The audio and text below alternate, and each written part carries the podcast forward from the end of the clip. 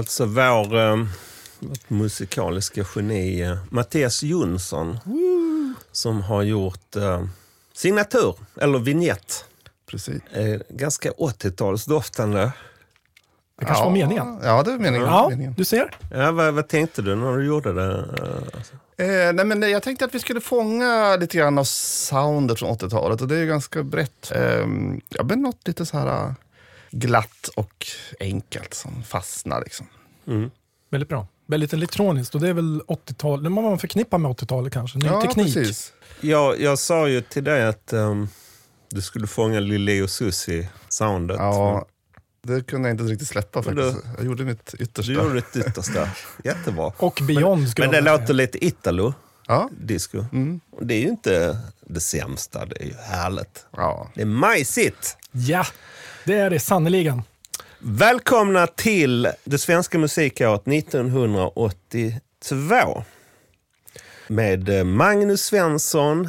Jonas Larsson. Och Mattias Jonsson.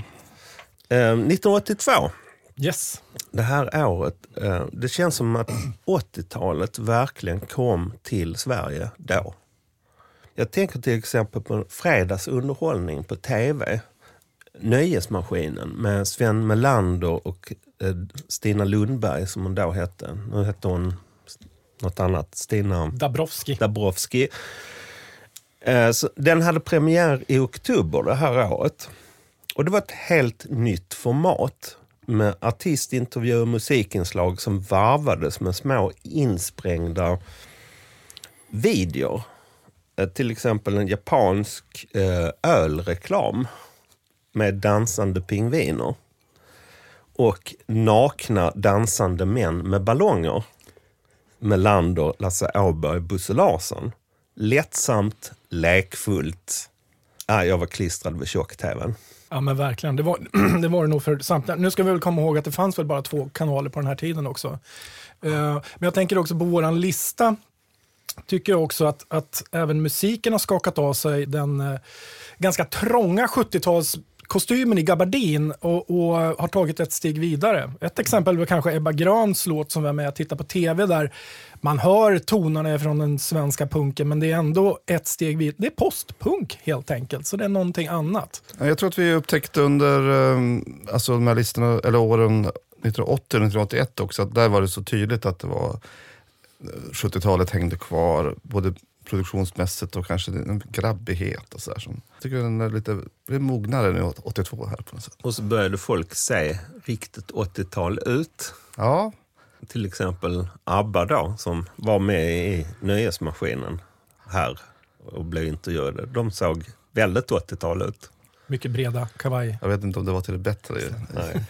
Men du pratade också om en, när, när vi smygpratade lite här innan Mattias, om en ny känslighet, en manlig känslighet som börjar smyga sig in i musiken. Ja, men jag tror vi kanske återkommer till det. Men det var också, ja men det är ju allas vår Mauro Scocco som sjöng om sina tårar på ett sätt som att han, alltså folk som, att han gråter och sådär. Och det tror jag också att vi inte riktigt har hört så mycket från den lite så här mer kaxiga manligheten då, från. Och även, jag tänker, nu tar jag bara dina låtar Mattias, men vi ska ju höra Lustan sen också. De kommer ju med, verkligen med någonting helt nytt, nästan vulgärt uppfattades det som. Men det kommer vi också tillbaka till kan jag tänka. Ehm, hur låter 1982? Jag citerar. Det är slikt, stort och vast. År 1982 hör vi ljudet av ett begynnande storslaget studiosound som prunkar under åren som kommer. Den svenska postpunken står nu i full blom och syntarna används flitigt. Nu när alla äntligen har fått kläm på hur de fungerar. Kanske kan vi redan nu börja skönja embryot till det svenska popundret.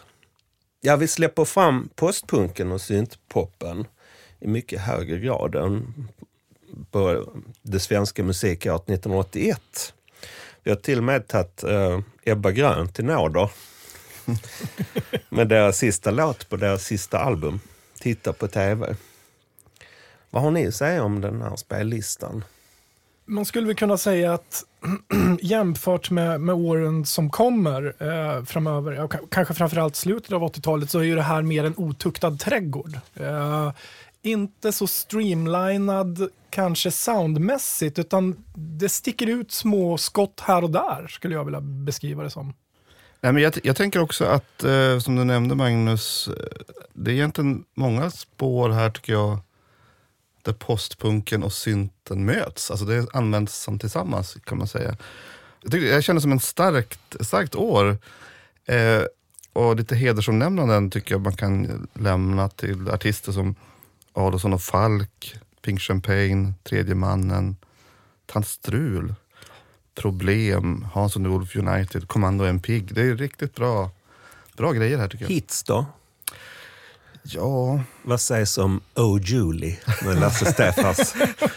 Hallå hela pressen med Chattanooga. Och Perikles. Var ska, Var vi sova i natt? Ja, vi blandar och ger.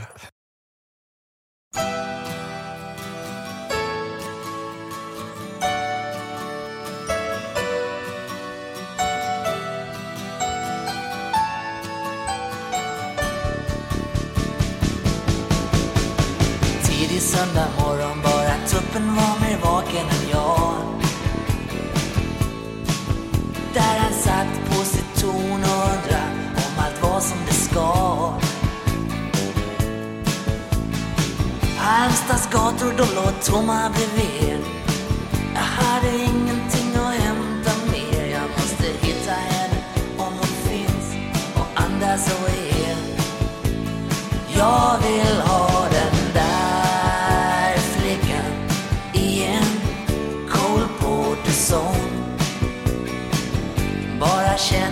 flickan i en Cole Porter-sång Jag vill ha den där flickan i en Cole Porter-sång Doobidoo-dam-dam. Gyllene Tider, Flickan i en Cole Porter-sång. Vad är det med den här låten? ja. Alltså, Jag kan ly- spela hela. Ja, jag med. Och jag kan lyssna på det där introt miljontals gånger utan att tröttna. Jag brukar säga att en bra låt är en sån som man inte kan avbryta egentligen. Jag övermannas alltid av känslor, så man kan sammanfatta det som att jag på något sätt blir rörd när jag hör den här. Jag vet inte vad det är den. Det är en längtan. Ja, också någon slags... Jag, jag tycker...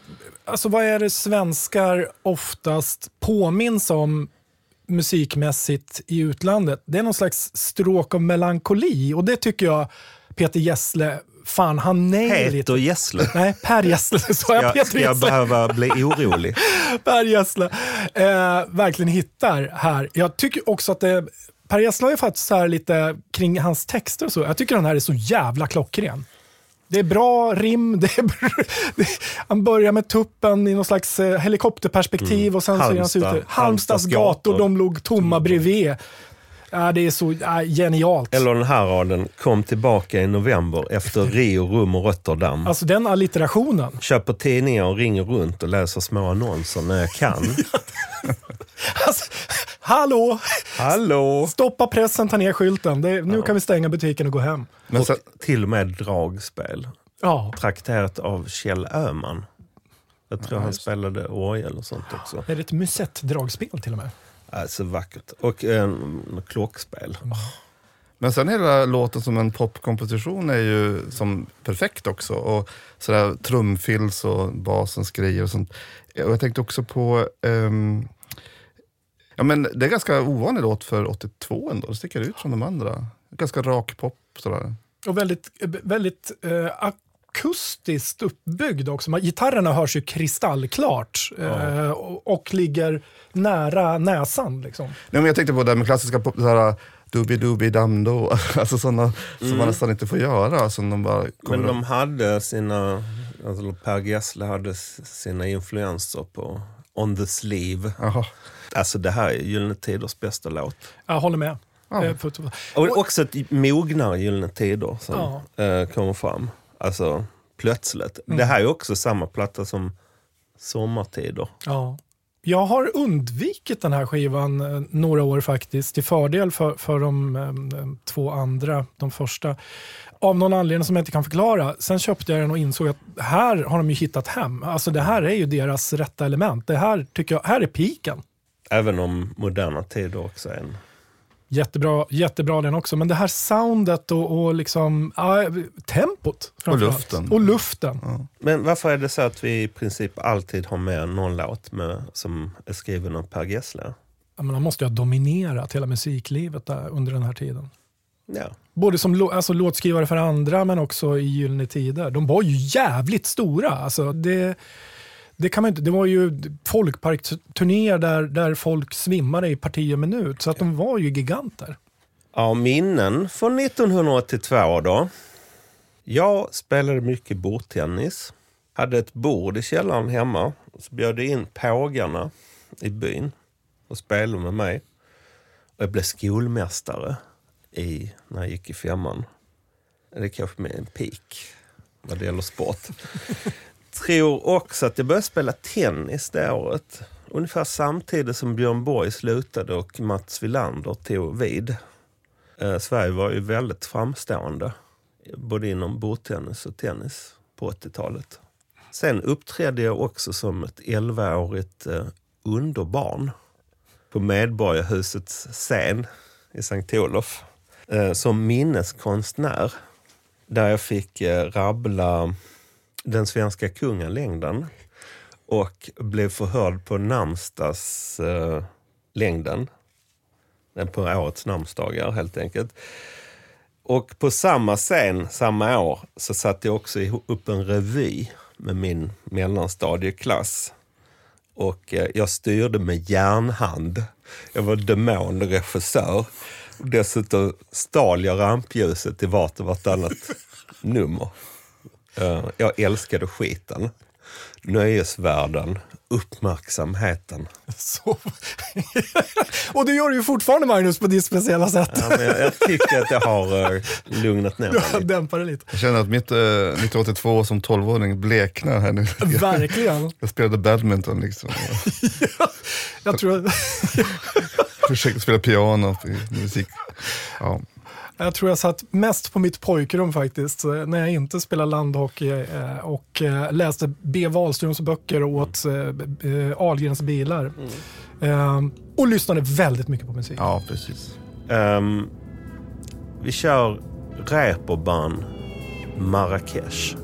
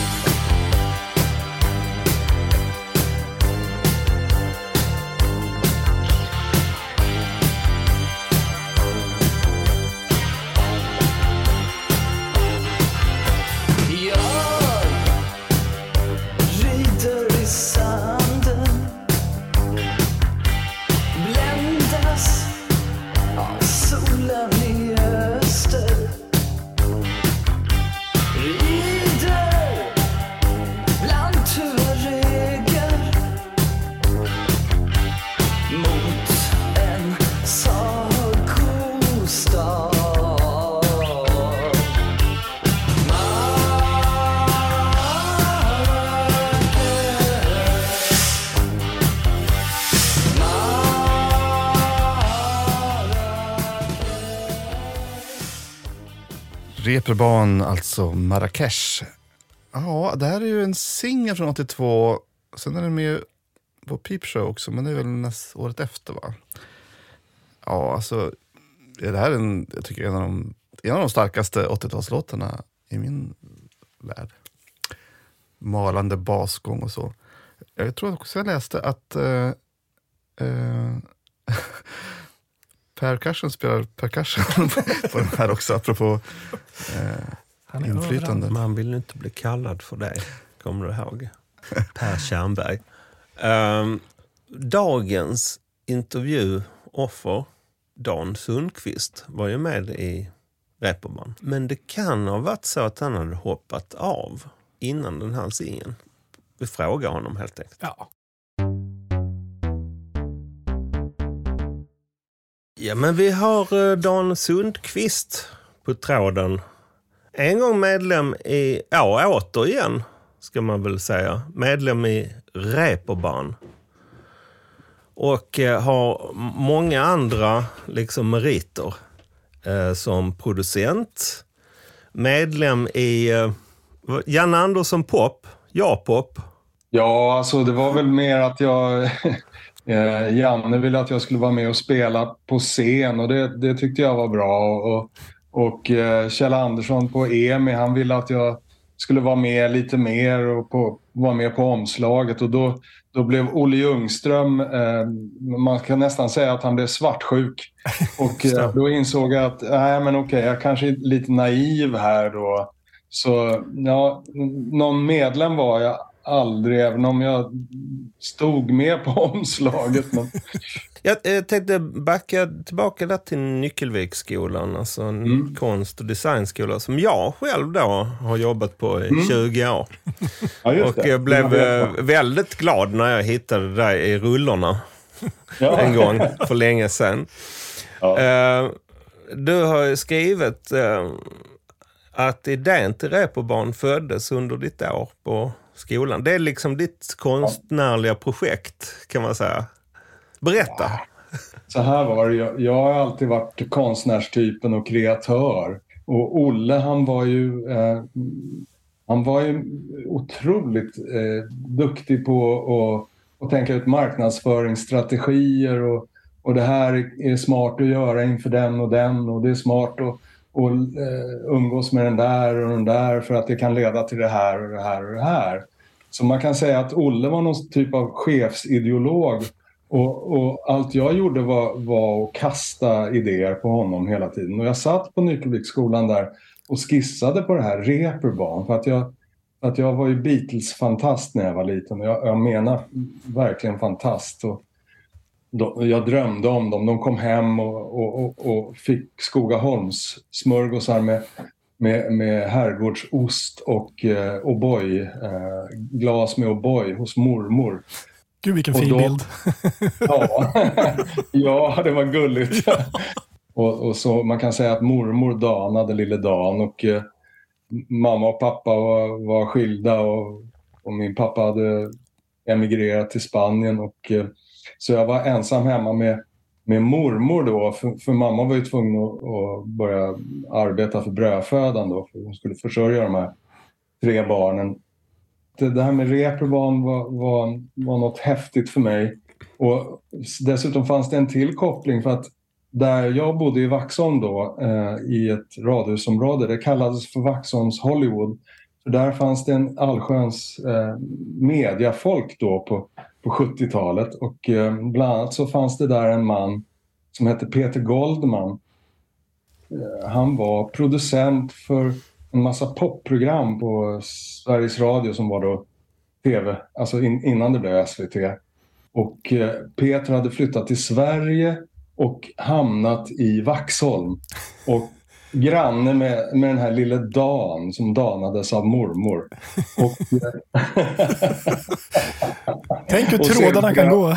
Ja, visst, visst. Så, så Peter Goldman värvas över till London för att göra, eh, de kallade det för clips då, eh, en promotional clip för Penny Lane och Strawberry Fields. Så det finns ju, de filmerna finns, så han gjorde det där. Han åkte tillbaka till, till, till Stockholm och fortsatte eh, att leva med sin Marianne och, och, och de skaffade barn och, och, och så sedermera blev han producent på eh, SVT för, för Måndagsbörsen. Och här knyts vi ihop ytterligare en gång med Reeperbahn när, när Reeperbahn skulle spela på Måndagsbörsen. Peter Goldman alltså. Ja. Så granne och han dök upp i mitt pojkrum och stod och knackade. De hade något cocktailparty på nedervåningen på 70-talsvis. Och, eh, och, och, och sa jag, hej tjena, ja. och han bröt på engelska fastän han var tysk. Jag hörde att du var intresserad av, eh, av Beatles. Ja, du vet, jag har jobbat med dem. Och du vet, ja, jag, jag höll ju på... Mindblowing. Ja, det var mindblowing minst. Och, eh, men han var, han var en inspiratör kan man säga. Ja, nej, vad han gjorde var att, att lille Dan, han förstod att här fanns en koppling ut till den stora världen och, och Jag satt och trixade med bandspelare innan jag ens kunde spela riktigt. Och trixade och gjorde trickinspelningar och spelade för honom. Han, så han mentorade mig väldigt mycket. Så jag kunde spela saker för honom och han sa men det här håller eller det här håller inte. Och, Ja, Lite som en producent. ja, Långt innan. mentor. För övrigt, jag hade liksom fått för mig att reeperbahn var något som föddes, alltså namnet som anspelade på något Dekadent. dekadent och syndfullt och lite provokativt Ja, under punkeran. Eh, Ja. eh, För att vara kultband så sålde ni ju väldigt bra. Ni fick vara på tv till exempel, Måndagsbörsen Ni- och lite annat tror jag. Och så Venuspassagen då, det andra albumet som du refererar Mm. till. Eh, Vad hände efter att ni släppte det här framgångsrika albumet? Ja, eh, och eftersom det är 2023 nu, Olle är inte längre med oss. Eh, jag förhåller mig lite, eh, lite vördnadsfull till honom så jag kanske inte berättar allting men han... Eh, vi alla fick väl någon typ av hybris när Venuspassagen kom ut och fick så otroligt bra press som den fick. Och, och jag har i min långa, långa karriär av, av som producent här nu, 40 plus år, jag har haft sett många artister få sina genombrott. Och alla får hybris. Och eh, Olles hybris den yttrade sig så att han ehm, han hade alltid velat vara en, en rockstjärna alla Lou Reed eller eh, Mick O'Keefe och alla de där hade ju en drogrelaterad eh, profil. Liksom. Så eh, han romantiserade drogerna och så han började experimentera med det och, eh, och förändrades väldigt mycket som person. Och då speciellt av den, den stora opioiden heroin.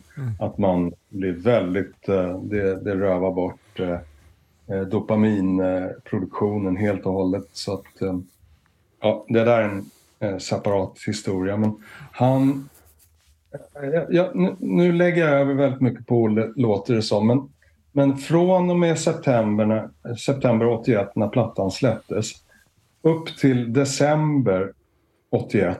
December, man hör det på inspelningarna som, som vi gjorde under den här tiden, liveinspelningarna. Så hör man hur det bara förfaller mer och mer. Slarvigare, slarvigare. Um, Olle står och skäller ut publiken. Uh, han, är mer, han är mer än full, han är, han är något annat. Och, och det är det är, det är ett sorts artisteri som var bara självdestruktivt. Och, um, och istället för att konfrontera honom med det här, jag, det här är så illa för mig att jag funderar på att sluta. Um, så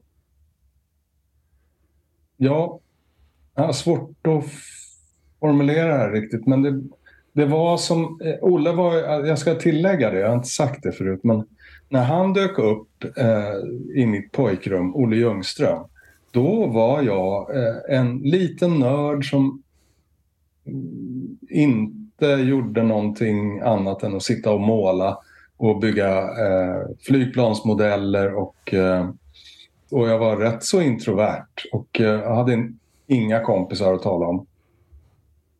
Och, eh, och han dök upp och gjorde fullständig revolution. Och, och egentligen var han klasskompis med min lillebror. Så tre år yngre kommer den här eh, otroligt magiska figuren. Så det blev ju...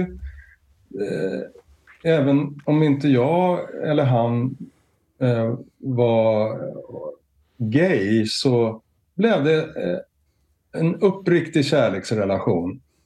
Eh, och eh, när han började drifta iväg ifrån det här, vårt gemensamma projekt som var vårt gemensamma lilla kärleksbarn, nämligen bandet Reeperbahn. Då, då, då gjorde det så ont i mig och det, det gav så mycket um, scorn ett bra engelskt ord. Eh, så att jag kände att nej, men jag ska ta min Mats ur skolan själv och liksom, jag ska bara gå. Eh, och, och anledningen till att jag tog ett sånt drastiskt beslut var att, eh, här kommer en psykologisk radda till. Min pappa som eh, ju försvann iväg till Spanien där som jag sa tidigare. Han dök helt plötsligt upp eh, när, jag, när jag började få, få lite ryktbarhet och då ville han ha del av det antagligen. Så ja, han kände sig väl bekräftad på något vis. Det där. Så att eh, vi började umgås och eh, ja, han sa, ja men Olle, vad ska du med honom till? Jag tror, jag tror han var lite svartis också faktiskt. Uh, vet du, jag fråga, vad, vad hände exakt eh, när du eh, hoppade av? Hur, Ja. hur, berätta om den scenen. Ja, den scenen. Ja, det var att eh, jag hade bestämt mig och eh, ingenting kunde ändra mig och jag sa det till Olle. Och, och han sa, nej men det kan du inte göra. Det, det, här, det här är ju ditt och mitt band. Jaha. Ja, men det känns inte som så längre. Och, nej, jag, jag tänker göra andra saker. Um, vad det exakt ville inte jag. Visste inte jag. Men jag, jag kände mig jag kände mig fjättrad. Och jag, jag, ville, jag ville göra musik som var en annan musik. Eh, Ja, nej, det var... Det var, det var, det var... Av dina jobb som producent under 80-talet, vilka vill, vilka vill du särskilt nämna och lyfta fram? 80-tal? Ja, under 80-talet. Det var väl ditt första decennium som Ja, producent? man kan säga att det var, det var som... Det var som eh, för, förhistoriska tiden var tidigt 80-tal och då var det in- inga speciellt bra grejer jag gjorde. Ja, 83 var ett konstigt år. Jag startade den här Prince Valiant. ehm, som egentligen var någon sorts protest, eh, reeperbahn-protest kan man säga. Mycket Eh. glimten i ögat där. Eh. Ja, det var, det var ju tänkt så. Eh, Lite so, Blue-Eyed Soul eh, kanske? Ja, det var, det var nog tanken. Liksom. Men, men sen... Nej, jag, jag gjorde en platta för mycket med Prince Valiant. Första hade nog räckt eh, och, och varit lite rolig, som du sa, och glimten i ögat. Och kanske så. Eh, älskling, jag hatar dig och jag försökte mig på lite komik där. Det var inte så bra. Men Ja, vi har med Kärlekens soldat, Ja. 1983-listan. ja, det, den, Den är ju bra.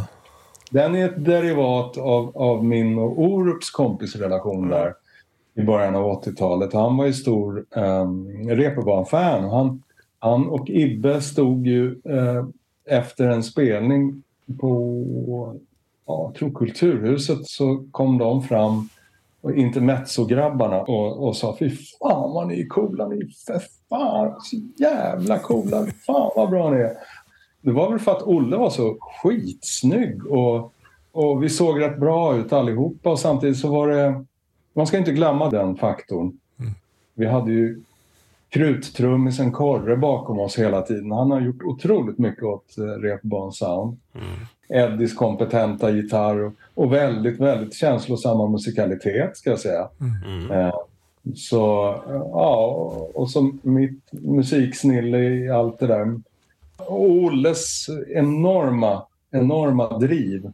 Vi sa att det hade inte kommit någon vart utan honom och han visade ju vägen alltså med, med det här drivet. Eh, Det där är något som man föds med.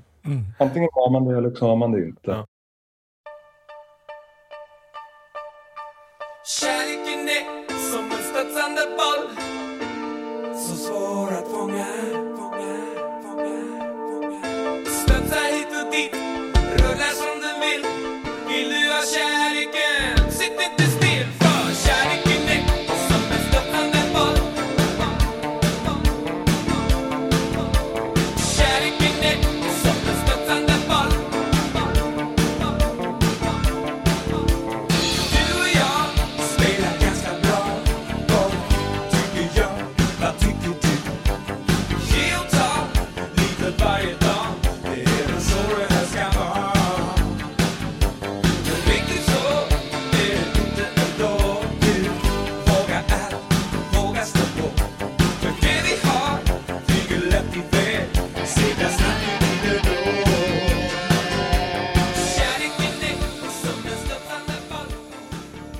Den sitter tatuerad i din ryggmärg. Absolut. Thomas Ledin, Kärleken är som en studsande boll.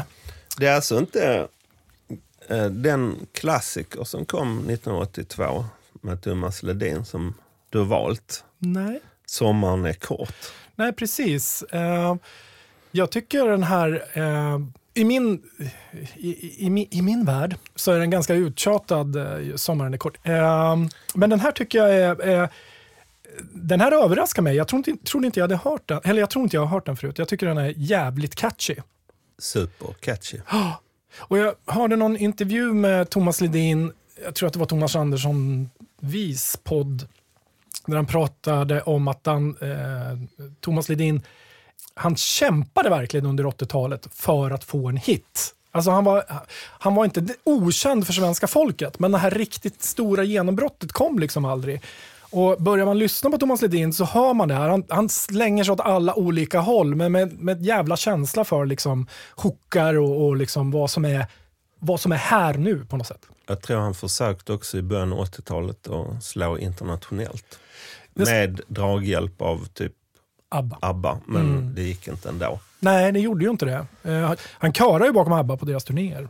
Visst har vår syn på Thomas Ledin förändrats under det här projektet? Ja, för mig har det det. Eh, verkligen. Inte för mig. Så. Berätta Mattias. Nej, men jag tror att jag gillade kanske några av de här singlarna som kom kanske året innan, 81. Även när, alltså att, att det fanns något sådär, äh, inte textmässigt kanske, men alltså att och den här äh, Melodifestivallåten just nu, jag tror det, alltså, det var mer, men då var jag så här 10-11 kanske. Sensuella Isabella gick jävligt varm på våran bilstereo när vi åkte till landet. Eh, Vi hade någon kassett med de senaste hitsen som man köpte in, in, eh, på en bensinmack. Den, den, den, jag fattar inte vad sensuell var ens en gång då, men, men jävla vilken svängig låt det är. Faktiskt. Men nu pratar, nu, det var ju ett annat år. Men eh, ja, jag tycker jag med och lyssnar på, alltså det är klart att hans eh, nasala pressade röst är jobbig ofta.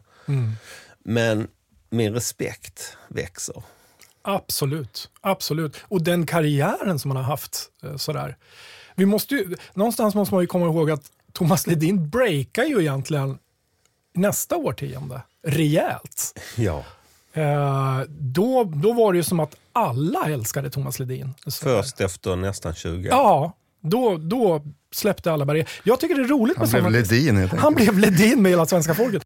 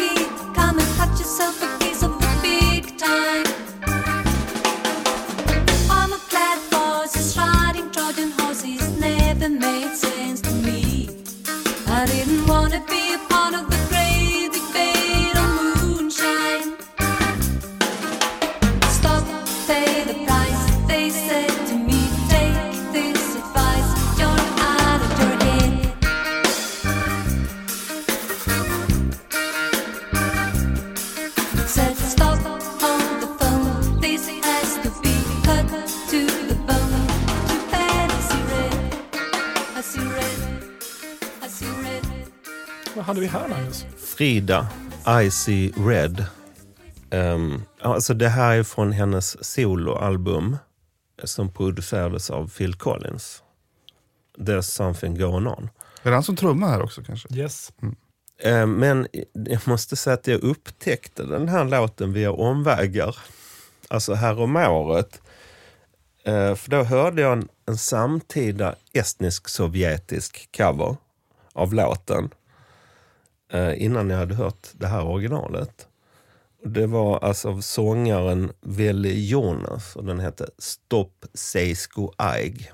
En fullständigt förtrollande version.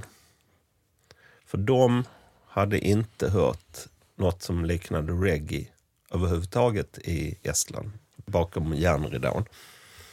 För det är någon slags väldigt så här, vit reggae-takt. Väldigt avig. Jag, jag tror inte den släpptes som singel någon annanstans än i Sydafrika. Eh, och Frida, hon är ju fullständigt fantastisk i sin sång.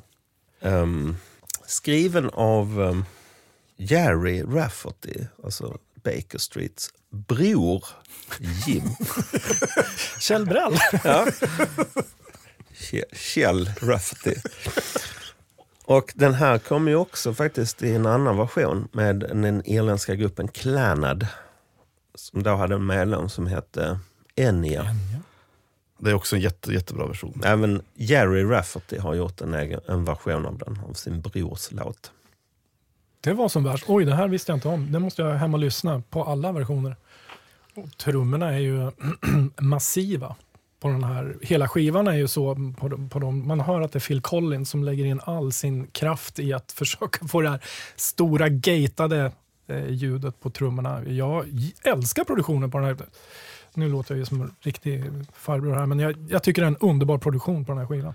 Vet ni om den här, jag, tycker låten är fantastisk, Mm. men, men eh, I see red, alltså jag ser, att se rött är ju att bli arg. Är det samma sak på engelska? Ja, det var en bra fråga. Skriv till det svenska musikaret. Att, eller kommentera på våra sociala medier. Skriv och kommentera, annars ser vi rött. Precis. Vi vill ha feedback. Jag- Jag tänkte fråga personliga filmfavoriter från 1980-talet. Ja, där och då, skulle, jag- om jag nu går tillbaka i tiden, och det är ju det vi håller på med här, så skulle jag nog säga eh, vad hette det? A Night at the Porkis, tror jag den hette. Väldigt grabbig film. Den skulle vara helt omöjlig att göra idag. Eh, men den var ju jättebra tyckte jag. där. Och då, eh, Jakten på den vilda stenen tyckte jag också var väldigt, väldigt bra. Med Michael Douglas och Kathleen Turner var det väl, tror jag. Vilda sten. Ja, eller vilda jakten på stenen. den vilda jakten på stenen, inte den vilda stenen. Ja, det här är sådana frågor som jag är jättesvårt för. eh, eh, Men eh, frågan också, var det favoriten då eller favoriten nu från 80-talet? Jag, jag tänker... Det är hugget som stucket. Ja, det är bra, tack. Ja, det, det är lite lättare då kanske. Men, men jag tror att jag gillar Woody Allens 80-tal. Han gjorde väl typ en film per år. Zelig är en favorit där. Och så tänkte jag på Peter Greenaway, Dränkta i nummerordning som favorit. Var du så highbrow? Nej, alltså, ja, nej, alltså det här är filmer från 80-talet. Jag, jag vill gärna vara highbrow, men, men då, ja men det var i Umeå var det mycket Ja, det var det. filmstudio och eh, filmfestival och sådär. Mm. Eh, I efterhand så, jag ska vara ännu mer pretto, så Offret, Tarkovskis sista där, tycker jag. Fantastiskt. skakande mjölkglas. Mm. Och Magnus då? Ja, men det, det som kom till mig först, det, det är förstås oändligt mycket, precis som musik. Men eh, jag tänkte på Bill August, den danske regissörens film Zappa, som kom 1983. Som utspelar sig i början av 60-talet. Det är tre tonårskillar, 15-årsåldern, som kom från olika samhällsklasser, men som går i samma klass i, i plugget en, mycket, en ganska brutal, rå film som satte eh, djupa spår i mig. Som är helt fantastisk. Det kom en uppföljare också som hette Tro, hopp och kärlek. Och detta var de filmerna han gjorde innan eh, Pelle Erövraren. Nu åker vi till hjärtat av det svenska 80-talet.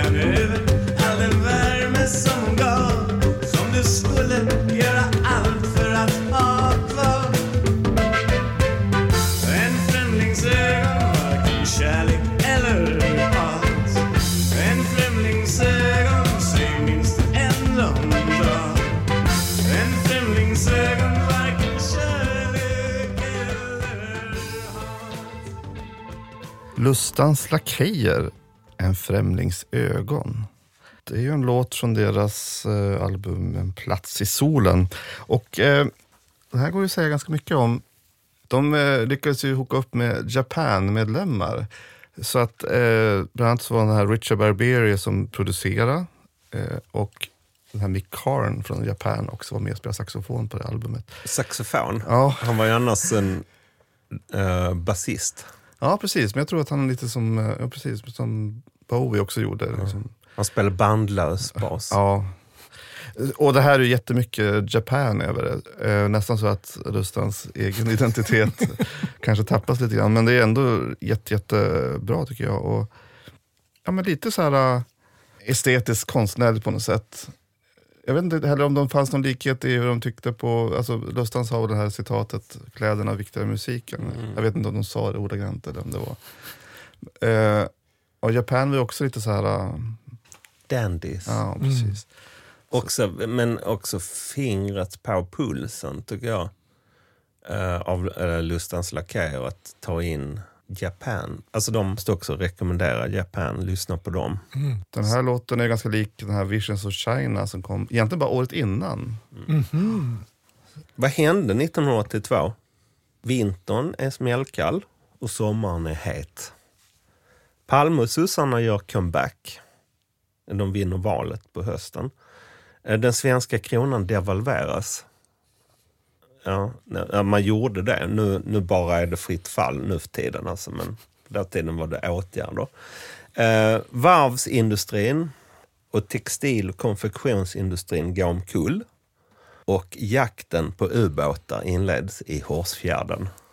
Eh, Det kalla kriget har nu blivit ännu kyligare.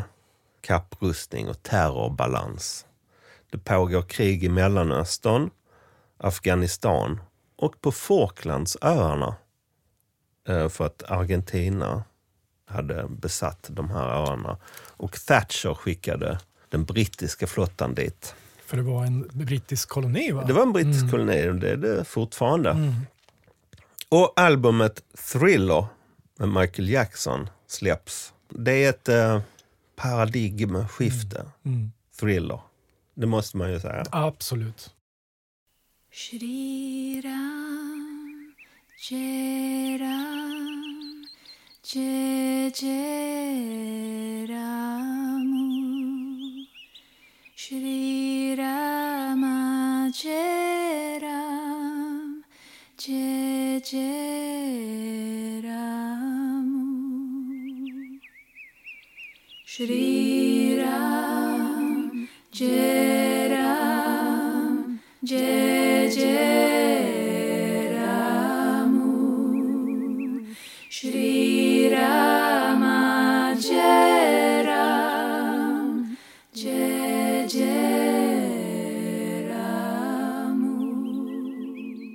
Ja, det där var Turid och Thomas Wiehe. Vi pratar mycket om bröder här idag. Det här är ju alltså Mikael Wiehes bror, stackarn. Han får leva med det epitetet. I... Kjell Wiehe. Kjell Wiehe. det här är ju verkligen en... eh, Här kan man väl... Ram. Ja, inte en aning om vad, Vad det betyder. händer här egentligen? Det här är ju new age, skulle jag vilja säga. Det, det känns ju, här känns ju lite rötterna till 70-talet som att de klamrar sig fast här i någon slags eh, hippie, eh, hippie gröna vågen-stämning. För det här är ju en väldigt, väldigt meditativ eh, och new age låt där egentligen det är ju egentligen Turids fantastiska röst som läggs på olika stämmor och bara böljar fram. Jag blir alldeles harmonisk när jag hör det här. Som en fjällbäck. Som en fjällbäck. Eh, det var, fanns en new age-våg. Nu nådde ju den aldrig byn Sankt Olof, där jag växte upp. Men vid den här tiden. Ja, men det var, jag vet att jag var på en, eh, en föreläsning om trans, trans, vad fan heter det? transcendental meditation. Det var nog några år efter det här. Men det här var ju en, jag tror att det var en efterbörd, det var ju så även i USA, en efterbörd av, av hippierörelsen att försöka hitta sitt Alltså någon mening med livet. Antingen så blir man religiös eller också så börjar man utforska det här med new age. Det var ju skitstort där i början av 80-talet. Och folk fastnade i sekter och det ena med det andra. Ted Gärdestad är väl ett exempel på det. Till exempel. Så, sådär. Just det. Så att, så att, eh, och jag kommer ihåg att man blev varnad för de här Hare Krishna-människorna som stod och trummade ute på stan sådär att gå inte för nära för då kommer du bli kidnappad och hjärntvättad. Ja, men en, en väldigt spännande låt tycker jag som inte liknar så mycket annat som vi har med på den här listan. Den, den sticker verkligen iväg. Eh, och jag vet inte riktigt vad Thomas Wiehe gör, om det är han som kvittar som en fågel på den här låten. Eller, men, Jag tror någonting. han lägger en stämma. Det kanske han gör, ja. ja. Eh, han är ju en... ehm, han var, eller han lever fortfarande. lever fortfarande. Mystic Male kan man Mm. kalla honom för. En, eh, alltså en slags singer-songwriter som är ganska poetisk och lite också en ganska så här ljus, inte en speciellt... Eh, alltså, Det finns inget grovt and, liksom. lite Nej. androgyn eh, aura. Jag har ju upptäckt Thomas Wiehe på senare år. Jag tycker att det alltid finns något spännande på hans skivor faktiskt. Och de är inte svåra att hitta idag. Men de Om vi har en skala då så har vi kanske Cornelis i ena änden och så har vi Thomas Wiehe i den andra då. ungefär Ja, så. lite så. Lite så är det faktiskt. Eller Bengt Sänd i den ena änden och Thomas Wiehe i den andra. Ja, und- Ni förstår. den är,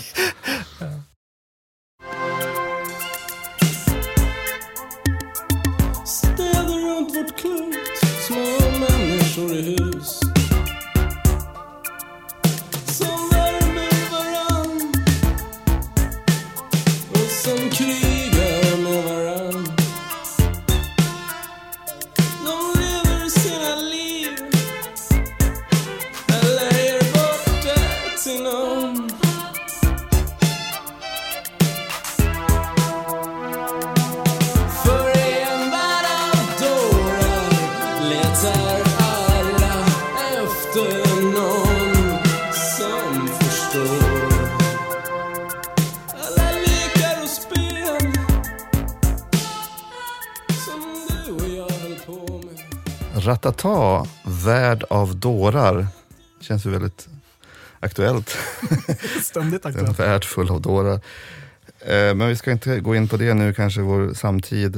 Eh, Alltså 1982 så hade ju inte jag börjat lyssna på Ratata och jag kopplade ihop dem med Lustans Lakejer väldigt mycket. För jag fick ett kassettband med ett album var med, med dem på.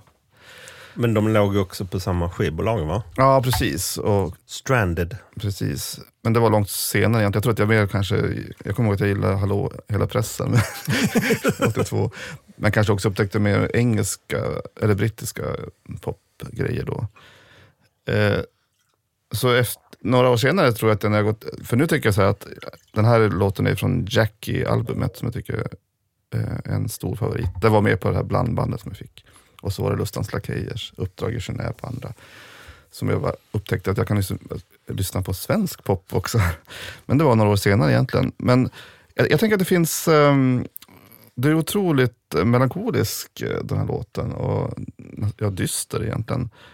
Jag tycker det är otroligt bra och stämningsfullt. Det finns två spår från det här albumet som är i den här stilen. Eh, det finns en annan som heter Det tog sin tid som också är så här jätte, jättefin. Eh, han var ju också väldigt ung. Alltså han var 20 Mauro Scocco. max när han Ja. gjorde den här. Ja, Det är knäckande. Ja, det är knäckande. Eh, Och han, han har ju verkligen hittat sitt språk redan här, tycker jag. Alltså både musikmässigt och textmässigt. Jag är ju ett stort fan av Mauro Scocco. Jag skulle, kunna vilja, jag skulle vilja lägga sked med honom faktiskt. Jag tycker han är ett svenskt musikaliskt geni. Jag tror att jag läste lite senare att han var jätteinfluerad av Michael McDonald. Liksom. Du kanske skulle vilja ligga sked mellan Mauro Scocco och Plura. Oh. Hallå, nu börjar det bli varmt här inne i studion känner jag. Ja, nej, men det stämmer. Han var ju jätte... Men det, Det kanske senare. Det känns lite senare, för då, då blir det de här slicka Blue-Eyed Soul-viben. Han har haft många kostymer på sig, italienskt skurna kostymer. Mauro Scocco. Så här linnekläder. Lite Precis. löst sittande. Och Panama-hatt. Snyggt. Ja, snyggt. TV och filmåret 1982. Premiär för Spanarna på Hill Street. Magnum med Tom Selleck eh, börjar sändas i Sverige. Den brittiska komediserien Inte Aktuellt, Not the Nine O'Clock News, har premiär här. Vilket introducerar till exempel Rowan Atkinson. Det här är alltså tv-serier som introduceras i Sverige flera år efter att de har sänts liksom i, i USA respektive Storbritannien. Vi är liksom efter flera år. Fame såg man ju. Det gjorde man. Eh, Musikprogrammet Casablanca gick det här året. Det var väldigt, ganska bred, ett brett musikprogram som både körde kultband och eh, ja, men det var kanske där jag såg reportaget om Fridas skivinspelning. Alltså det blir många kryss i tv-tablån här. Ja, men det var, det var helt magiskt. Såpan då, Maktkampen på Falcon Crest, började gå. Den brittiska tv-filmen Ivanhoe sänds för första gången i svensk television på nyårsafton. Det var inte sista gången. Det var inte sista gången. Och så har vi lekprogrammet Gäster med gester Men Lennart Svan. Och den ursprungliga uppställningen av gäster var, och mys nu när ni hör de här namnen, Lasse Berghagen, Jarl Borssén, Johannes Brost, Inga Gill, Björn Skifs, Geja Sundström, Meg Westergren och Gunilla Åkesson. Med Sven Lindberg som inhoppar för Borssén och Lena Söderblom för Westergren. Vilken Och vilken- line-up! Vilken namedropping. Vilken name drop. Jag blir 12 år direkt igen här. Filmer. Eh, Blade Runner. Conan Barbaren. Den enfaldige mördaren Hasse Alfredson med Stellan Skarsgård i huvudrollen. Ebba the Movie. Ebba Grön på turné. E.T. Fanny och Alexander. Bergmans mästerverk. Gandhi. Gap och hans värld med heter han? Robin Williams. Gräsänklingar. Superrulle med eh. Loffe Karlsson och Gösta Ekman som teamar upp. Mycket, det är postpunk i diskoteksscenerna. Fantastiskt. Ja, Jättebra. Och eh, Ingenjör Andrés luftfärd, Poltergeist och Tootsie. gisses vilket filmår. Vilken fest. Ja, verkligen. Men jag tänkte på en sak där. Eh, Jag upplever en reflektion kring det här att tv-program sändes tre, fyra år efter. Att vi var väldigt mycket efter. Men det tycks ju som att musikens vågor färdas snabbare än, än, än filmmediet eller tv-mediet. Jag upplever inte att vi var så mycket efter musikmässigt. Var vi där 1982 i jämförelse med den anglosaxiska världen som är väl den som... Nej, men jag tror man började hämta in, ta en mark liksom, jämfört med tidigare. Men även biofilmer hade ju premiär minst ett halvår efter att man hade haft det typ i USA. Jag kommer ihåg eh, Svenska Med gjorde väl Conan Barberaren. Såklart.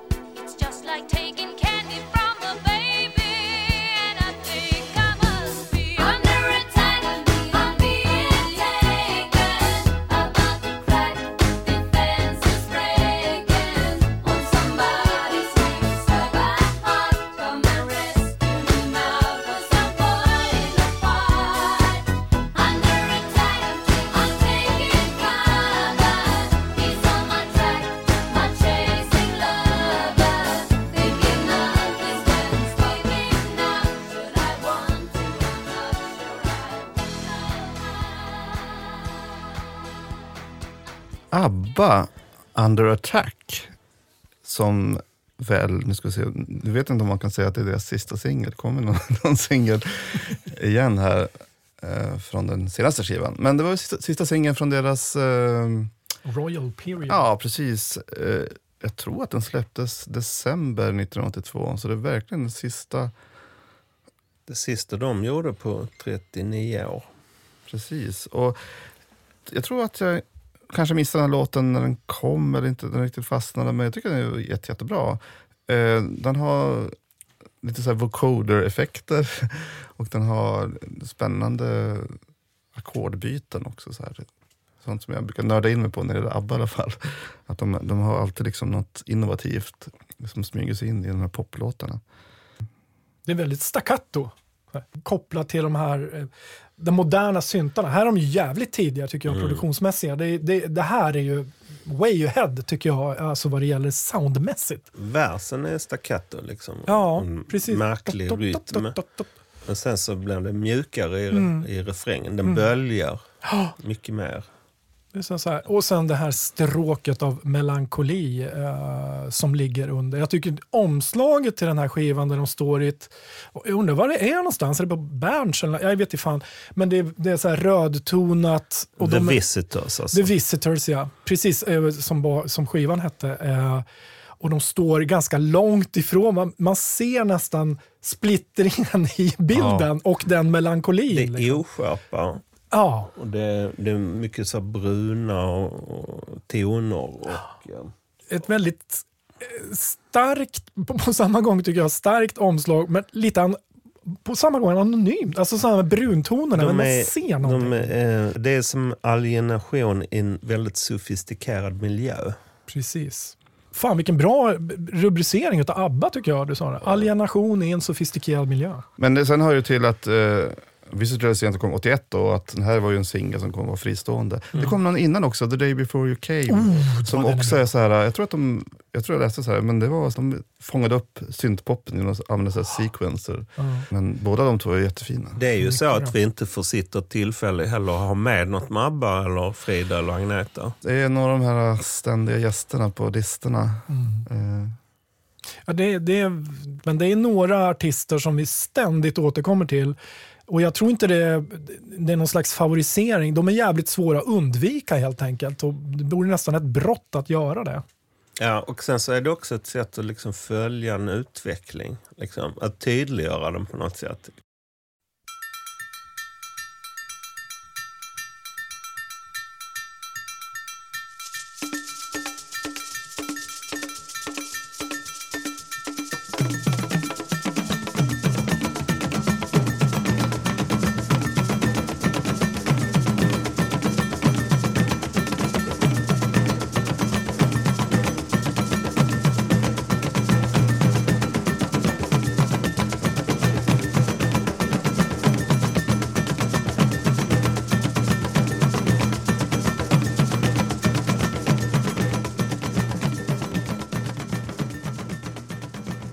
Oj, oj, oj. Det här var en ny upptäckt för mig faktiskt i, den, i det arbete som, som vi hade innan när vi skulle sålla ut låtar här.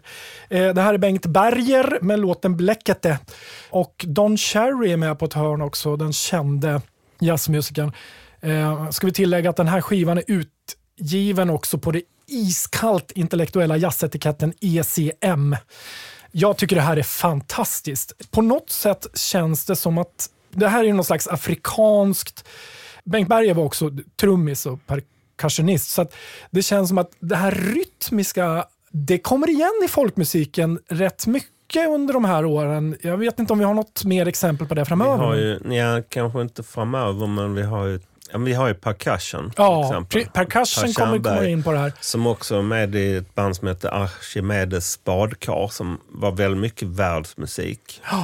Jag tycker det här svänger som fan rent ut sagt. Och i min värld, nu tittar jag på Mattias här, men, men eh, det- mitt absoluta favoritband Talk Talk. Eh, eh, deras, eh, två av de medlemmarna startade ett eget band som jobbade just med det här med rytmik, eh, cut and paste-tekniken.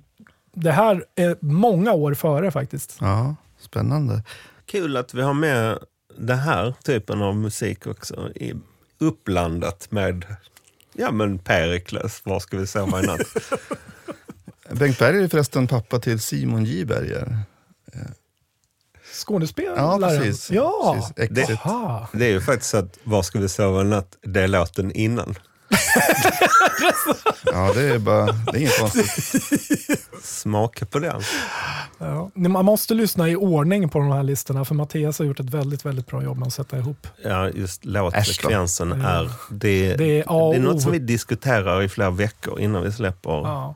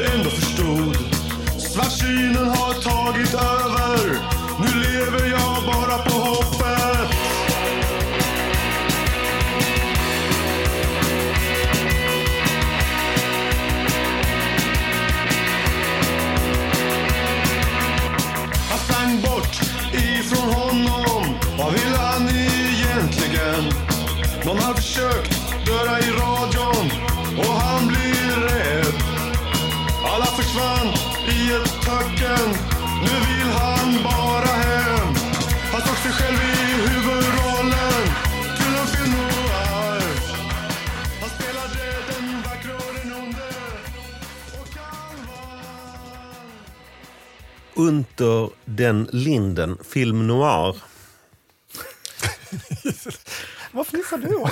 Ja, men det, är, det, är faktiskt, alltså det är lite så här att, eh, oj, jag har upptäckt en jävligt cool grej. Och det kallas att vara superdeppig. och nu ska jag göra en låt om det. Svartsyn har tagit över. Svartsyn har tagit över. Det är lite, lite så här, eh, jag vet inte, heter det puerilt? Du är det Men som- också nailar de hela postpunk-soundet. De har lyssnat Oh, ja. mycket på Joy Division. Det låter väldigt bra. Eh, Det hade varit kul kanske med lite mer poe poesi i texten dock. än bara så här pekbok för svartrockare. Liksom. Med klippdockor. Ja, så här ska du göra. ja, det, men det, jag tycker När du går ut i, i, i Karlshamn och är svår, skum. Alltså i Blekinge, det är en liten stad. Och De kom därifrån alltså, och eh, de gavs ut på Malmöbolaget Amalthea. Amalthea, Ja. det är det som Mikael Wiehe Ja, och Dan. Hylander Ja, ja, se där. var med och bildade. Och soundmässigt så ligger de ju nära några av de här mörkare och mer expressionistiska postbunkbanden från Skåne. Vi pratade om Garbo Chock och TT Reuter. Kanongrejer. Ja, det är jättebra. Jag gillar ju det här. Jag, jag tycker att basen är ju direkt tagen ut av The Cure också. Det, är- det, är så här, man, det är verkligen som du säger, det är destillat av postpunken där och då på något sätt. Och under den linjen, jag vet inte så mycket om dem, men jag vet att de, de var väldigt engagerade i en musikförening i hemstaden Karlshamn som heter Rockslaget som eh, ordnade en årlig musikfestival faktiskt på 80-talet. Som tog dit sådana som Elvis Costello, Susie and the Banshees och Simple Minds. Det var lite som en föregångare till Hultfred. Den här gången, vad fick vi för respons? Eh, vi fick inga reaktioner alls när vi släppte den första gången. Jag vet, vet, hade mattat, alla var utmattade då, av just kanske övergångarna mellan uh, Lasse Stefans och uh, vad nu var. Var det inte ens någon som klagade? Nej, de var bara helt apatiska. Katatoniska. Men ehm, lyssna eh, och kom med reaktioner, rättelser och faktafel. Vi är inte de som är de, vi kan ta det. Till antingen om ni vill köra old school, det svenska musikaret, at filt.com eller eh, på våra liksom, sociala plattformar, eh, Facebook, Instagram.